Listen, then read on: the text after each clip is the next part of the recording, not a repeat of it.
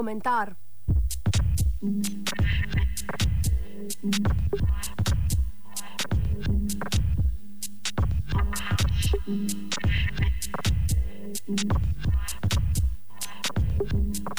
O postojnski jami in drugih površinah.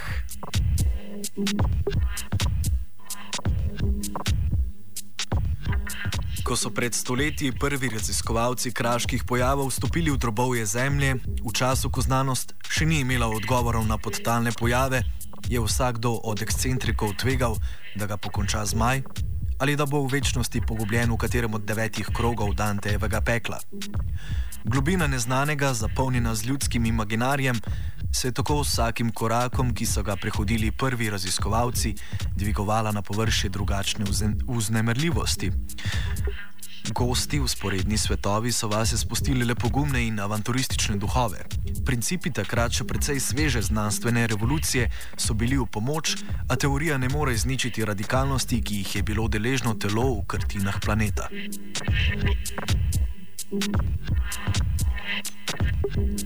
Ob koncu 18. stoletja se je začelo oblikovati to, čemu so kmalo nadeli ime turizem.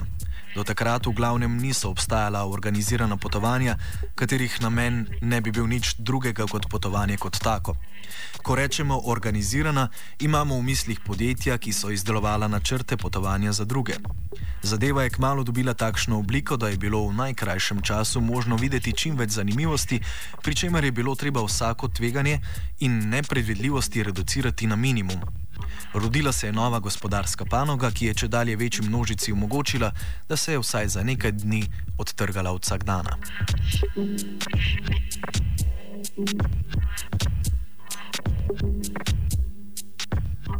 Postojnska jama je že zelo zgodaj postala del turistične ponudbe Evrope. Uradno jo je svojim obiskom leta 1819 utvoril avstrijski prestolonaslednik Ferdinand. Kmalo zatem je dobila razsvetljavo in ko je bila enkrat tema premagana, še vstopnino. S položitvijo tirnic dobi postojnska jama vse, kar prava množična turistična destinacija potrebuje. Minimum tveganja, veliko pretočnost in izredno ekskluzivno posebnost.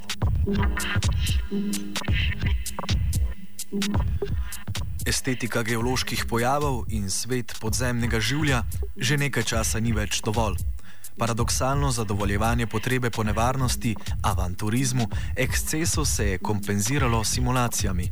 Namesto da bi tvegali padec ob strajanju na vratolomnih vožnjah pustih površin, se v zajamčeno varnem zabaviščnem parku predajemo adrenalinskemu užitku prostega paca. Edino tveganje je tveganje na strani upraviteljev in lastnikov parka. Zajeb pomeni izguba službe in katastrofalna reklama. Slednje zgolj do trenutka preobrazbe v muzej najsmrtno nošnejšega zabavišča vseh časov. Ampak to je že druga zgodba.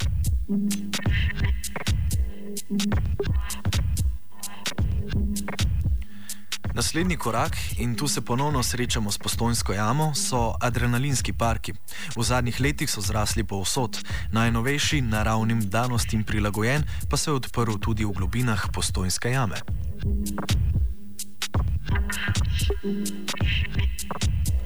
Kakšna je razlika med zabaviščnim in adrenalinskim parkom in kaj nam ta govori?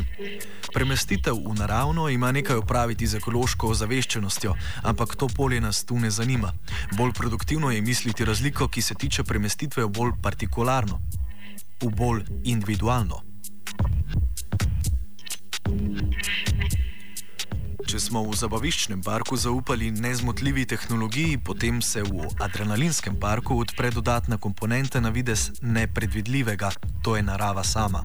Če smo v prvem vsi varnostni mehanizmi udelani v senzacionalne objekte, pri drugem vsakdo na svojem telesu nosi del varnostne opreme. Tretja očitna razlika je v tem, da se v adrenalinskem parku dejansko simulira določene ekstremne športe in podvige, ki jih vodijo ljudje, ki se v svojem privatnem življenju z njimi ponavadi tudi sami ukvarjajo. Očitno je, da ne gre za kaj pretirano novega. V resnici ostaja na neki točki vse isto, različni so zgolj poudarki. Večja individualizacija, pristnejše okolje in situacije.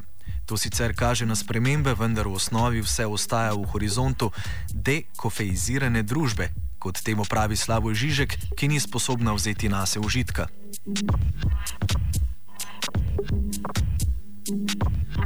Če je bilo upanje, ki ga je v svoj ideološki aparat upela katoliška crkva, ustvarjeno zato, da bi ljudi naredila bedne podložnike, kot je to v enem od intervjujev rekel umorjeni pesnik in filmar Pier Paolo Pasolini, potem je dekofeizirana družba, ki realnemu ne pusti blizu, nujna za vzdrževanje sodobnih kapitalističnih odnosov. Thank you. Če sta tveganje in užitek nekaj, kar se ne da ločiti, potem bi lahko rekli, da je užitek vsaj na strani lastnikov kapitala in borznih špekulantov. Investicija kapitala, katerega enote se stojijo iz presežne vrednosti tujega dela, pa naj bo ta digitalno vezje računalnika ali naučeno živčevje človeka, težko postavi pod vprašaj samega vlagatelja, vlagatelja in horizont njegovega delovanja. Kockanje s strokovno podkovanostjo, ki gravitira v center jaza, špekulantu ne predstavlja nikakršnega tveganja. Dobro, tiste ta slabe včasih zagrabi manj vrednostni kompleks, medtem ko ta boljše hira zmagovalna samodestrukcija. Kakorkoli znak je znak, na tem mestu nimamo namena razmišljati o strukturi, če ta sploh obstaja, nekega emancipatornega tveganja končujemo z neko anegdoto. Ko se je svetilničar Luka Čeč, ki je v enem od začetkov raziskal največji del postojnske jame med pripravami na Ferdinandov obisk, oddaljil od svojih kolegov, se je v nekem trenutku iz še, ene pred, še enega raziskanega predela zadrl. Tukaj je nov svet, tukaj je paradiž. Marketing je anegdoto zagrabil in iz domnevnih čečevih besed napravil slogan turistične znamenitosti. Razlika v pomenu je ogromna. Užitek raziskovalca je bil v tem, da ga je od nekje udarilo nepričakovano. Ugodje, ki ga prodaja podjetje Postojnska jama, pa je ravno nasprotno, nek vides, od katerega je odtegnjeno vsako možno na ključe in kjer ni nikakršnega tveganja sicer z nekim pomembnim dodatkom, da sta nepredvidljivo in nevarnost zgolj izzeti nečemu, kar jo sicer v osnovi vsebuje.